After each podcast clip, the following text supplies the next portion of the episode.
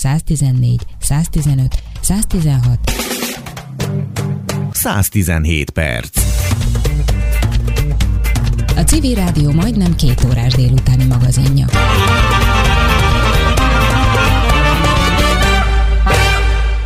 Hogy van Pallai Péter, és mit csinál Pallai Péter ezekben a napokban? Ennek próbáltam utána járni.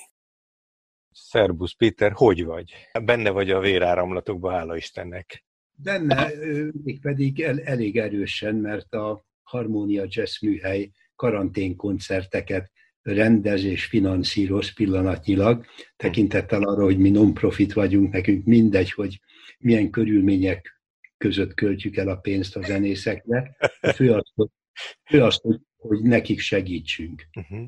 Mit szerveztek esetleg, akkor egy pár szót erről mondjál már, ezt úgy is akartad hát, mutatni. Ugye minden zenész, aki képes arra, hogy a saját mobilján vagy laptopján keresztül sugározzon saját otthonából egy koncertet, néha többen is vannak, van, most már trió is volt, például a gyárfás családi trió, apa és két fia, szenzációs volt, és akkor adunk nekik egy fix összeget fejenként ezért.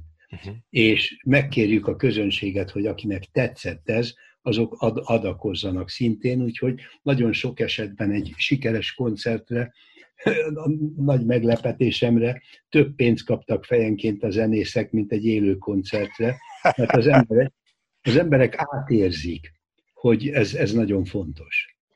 Ez és hogy segíteni kell rajtuk. A jazzzenészek nagyon nagy hátrányban vannak.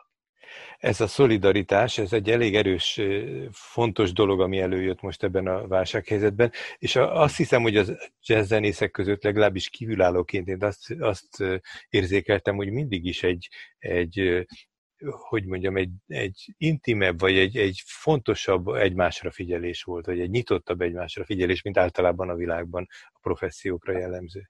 Hát mondjuk a, a jazz közösség kisebb, mint mondjuk a rock és pop közösség, vagy akár a klasszikus zene hívei.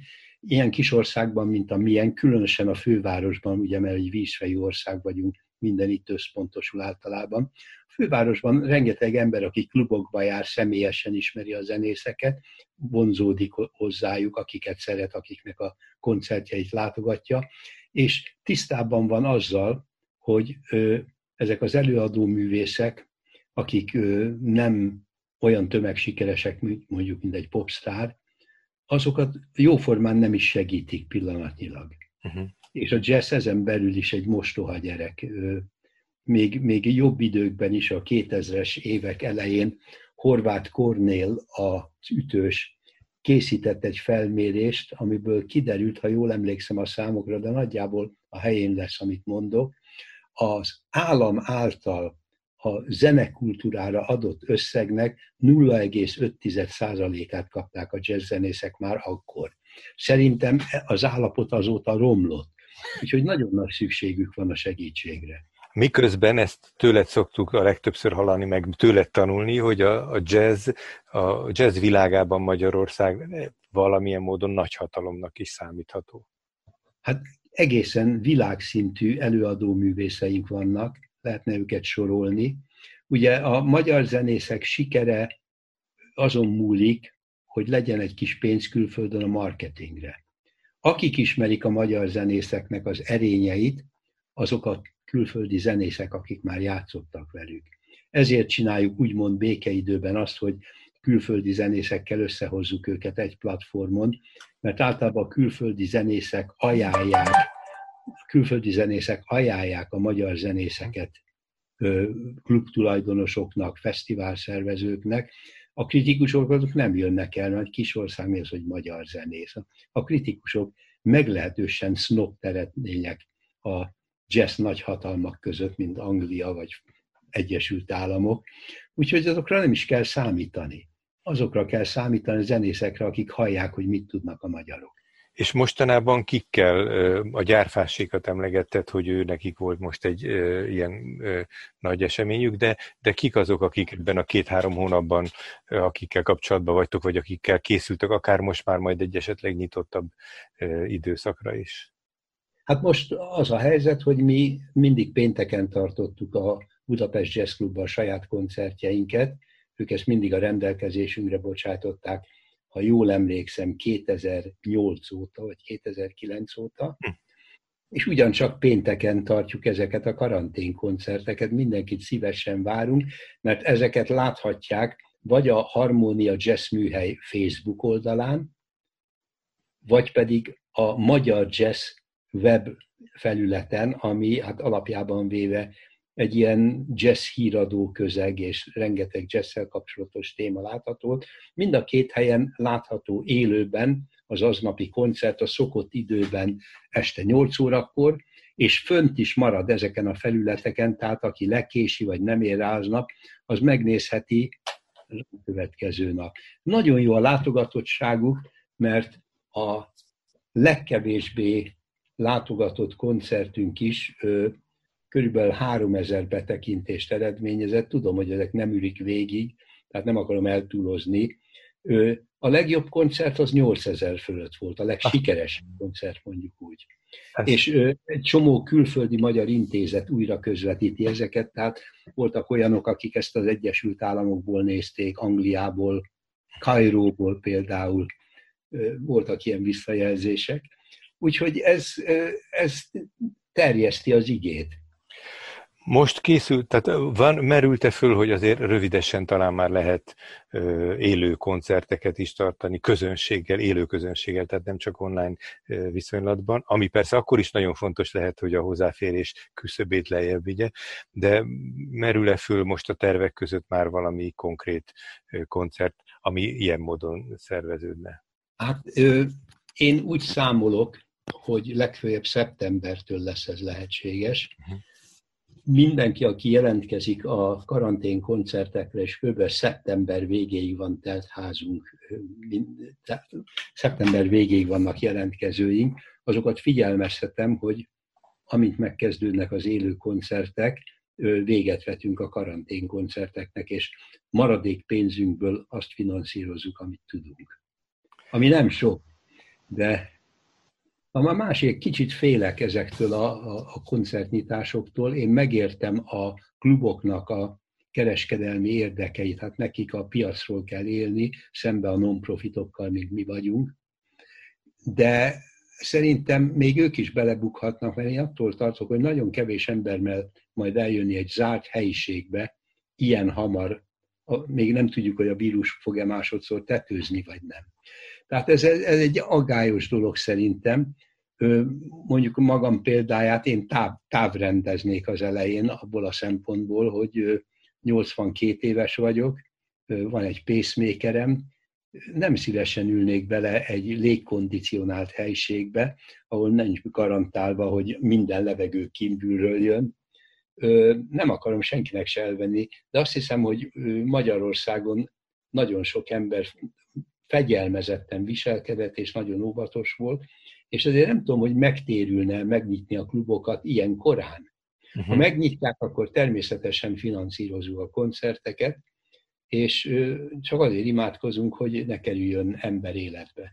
Péter, az első kérdésem az volt, hogy hogy vagy. Onnantól kezdve egyfolytában a zenészekről és a zenéről beszélsz, önmagadról. Most mondtál egy, egy, egy észrevétlen félmondatot, de akkor egy kicsit ezért időzünk el ezen, hogy, hogy hogy bírtad ezt a, vagy bírod ezt a bezártságot, és hogy vagy tényleg. Te egy sportos ember vagy, tudom, hogy neked az életednek például az evezésre, úgy emlékszem, az nagyon fontos része volt.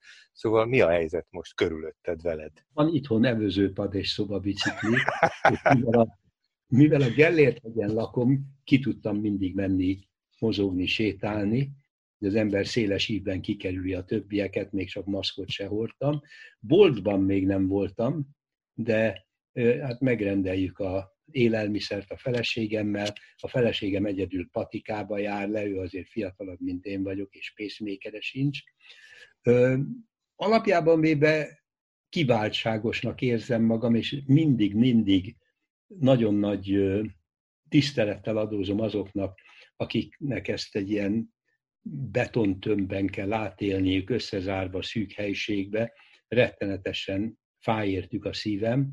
Én érzem, hogy kiváltságos vagyok, tehát ami a ellátottságomat, egészségi állapotomat, mozgási lehetőségeimet illeti, azok teljesen rendben vannak. Az egyetlen dolog, ami nagyon-nagyon rossz nekem, hogy ugye én fél lábbal Angliában élek továbbra is. Sőt, hivatalosan teljesen ott, ott adózom, ott szavazok, és a legfontosabb, ott vannak a gyerekeim, ott vannak az unokáim, ott vannak nagyon régi barátaim, akiktől most egy jó időre el vagyok vágva, mert nem tudom, mikor utazhatok. Tehát ha panasra van okom, ez az egyetlen. Hát ez már csak ezért is, bár számtalanokunk van, hogy szurkoljunk azért, hogy legyen mielőbb kiszámítható és biztonságos környezetünk.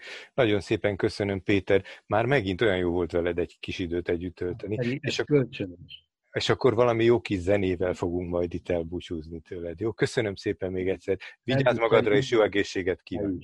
Szervusz. Ölelünk minden jót. Szia. Sziasztok.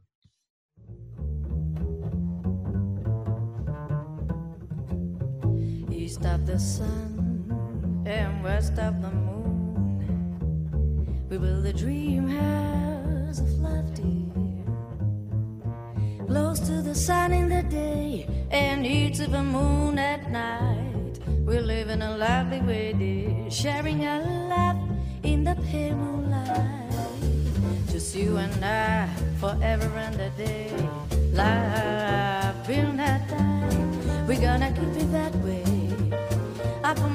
the stars we'll find a harmony of love to a lovely tune. East of the sun and west of the moon, dear.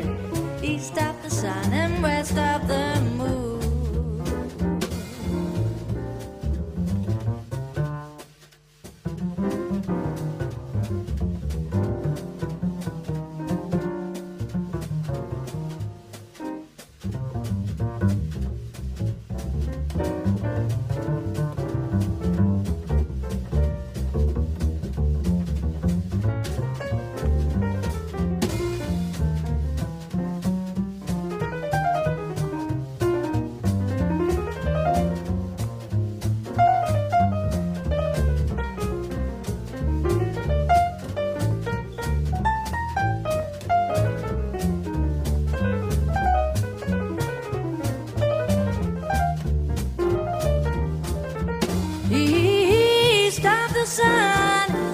With a dream house of the moon. We be the dreamers of love, dear, of love, dear.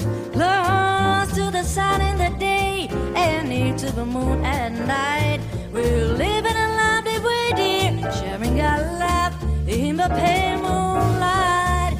Just you and I, forever and a day. Love. We're gonna keep it that way, keep it that way. Up among the stars, we will find harmony of love to a lovely tune. East of the sun and west of the moon, dear. East of the sun and west. East of the sun and west. East of the sun and west of the moon.